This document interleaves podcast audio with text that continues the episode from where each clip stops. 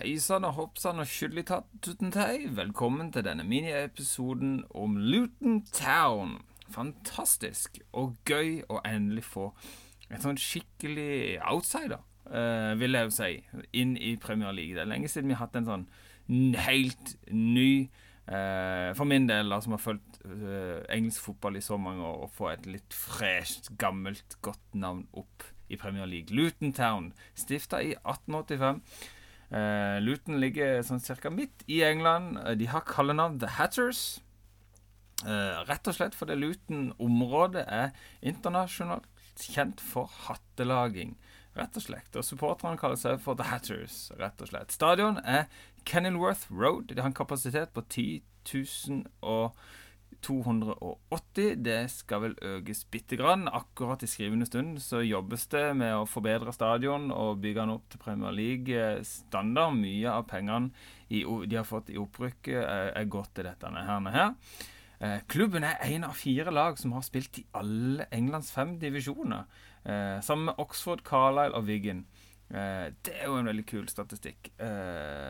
fakta å ta med seg. Og, og, det som er jo veldig veldig gøy med Luton Town, at de har vil få De kan ikke, ikke gi denne spilleren den muligheten. De har en spiller som kommer til og har spilt for Luton i alle divisjonene. Fra non-league til Premier League.